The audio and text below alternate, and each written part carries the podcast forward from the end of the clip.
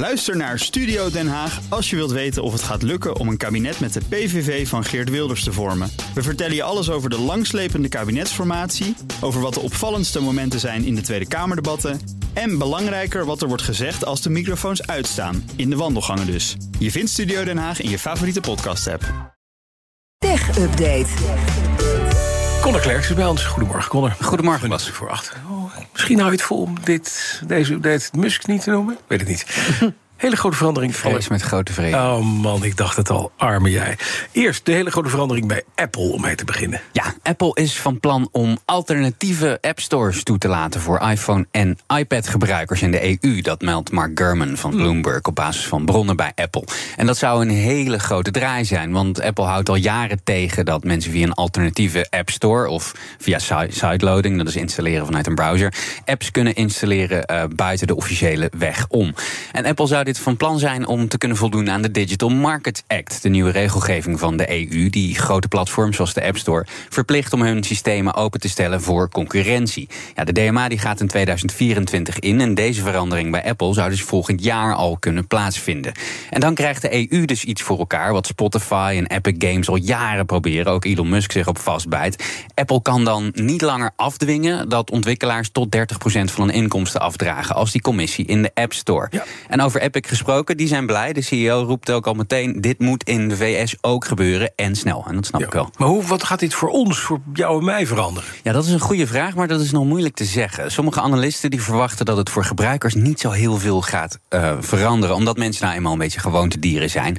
En je zit op die App Store. Je zit op die App Store. Ja. En die App Store die is vervelend voor ontwikkelaars die die voor zijn commissie moeten betalen aan Apple. Maar voor gebruikers, voor de meeste gebruikers, werkt het eigenlijk wel prima.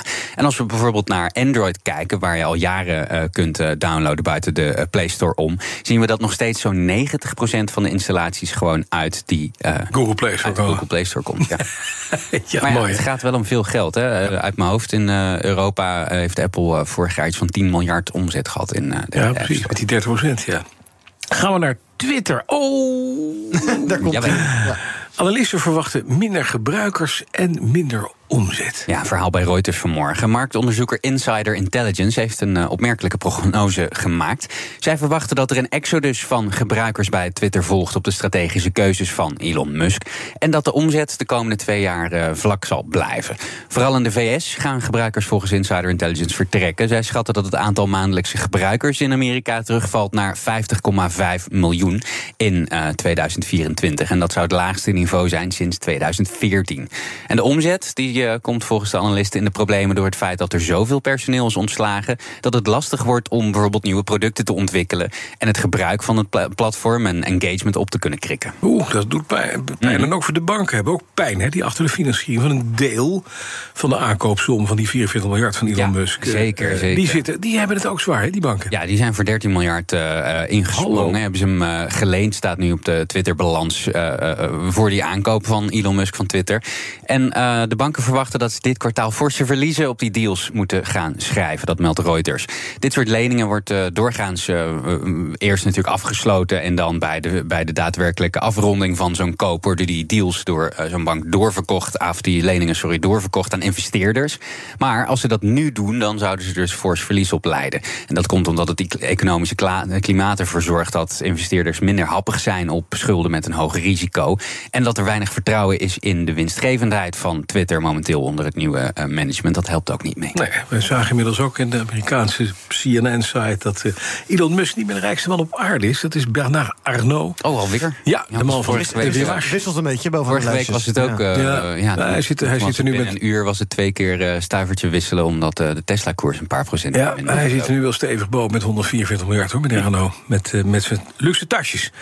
Is het anders, niks elektrisch aan. Een positief techverhaal dan toch maar om even af te sluiten... ook voor jouw eigen gemoedsrust. Ja, zeker. Ja, het is niet alleen maar uh, dystopische kommer en kwel van Techland.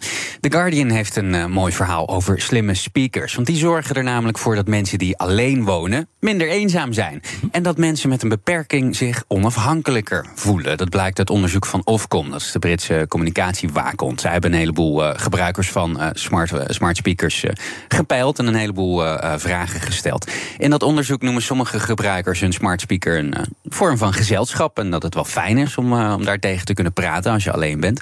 Heeft natuurlijk in de pandemie ook een grote rol gespeeld. sommige respondenten met een beperking die zeggen dat een smart speaker echt een significant verschil maakt in hun leven. Bijvoorbeeld door het licht te kunnen bedienen via de spraakassistent. In plaats van dat ze daarbij uh, om hulp moeten vragen als ze zelf niet in staat zijn om bijvoorbeeld op te staan en naar dat lichtknopje te lopen. Ja, voor jou en mij is dat iets waar je nooit over nadenkt. Heel normaal, maar, precies. Maar ja, je zou maar niet moet kunnen. Ja, precies. precies. En uh, nog iets moois uit het onderzoek naar smart speakers. Mensen luisteren er meer radio door. Hey. Dat is natuurlijk goed voor iedereen. Het, precies, en dat zou niet alleen voor Britten. Nee, nee, nee. dus ook voor Nederlanders. Iedereen aan de smart. Zegt het dus voor. En ook voor ons. Huh? BNR op je smart speaker. Ja, zegt het voort, lieve ja, luisteraars. Zegt het voort. Hallo Alexa. Zet BNR op. En nooit meer uit. En nooit meer uit.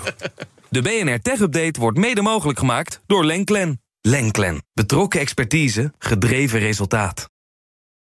Ook Liesbeth Staats vind je in de BNR-app. Ja, heel handig. Luister live naar Kees en mij tijdens de Daily Move. Dan blijf je ook gelijk op de hoogte van breaking news en het laatste zakelijke nieuws. En daar vind je ook alle BNR-podcasts, waaronder de Perestrooikast. Download nu de gratis BNR-app en blijf scherp.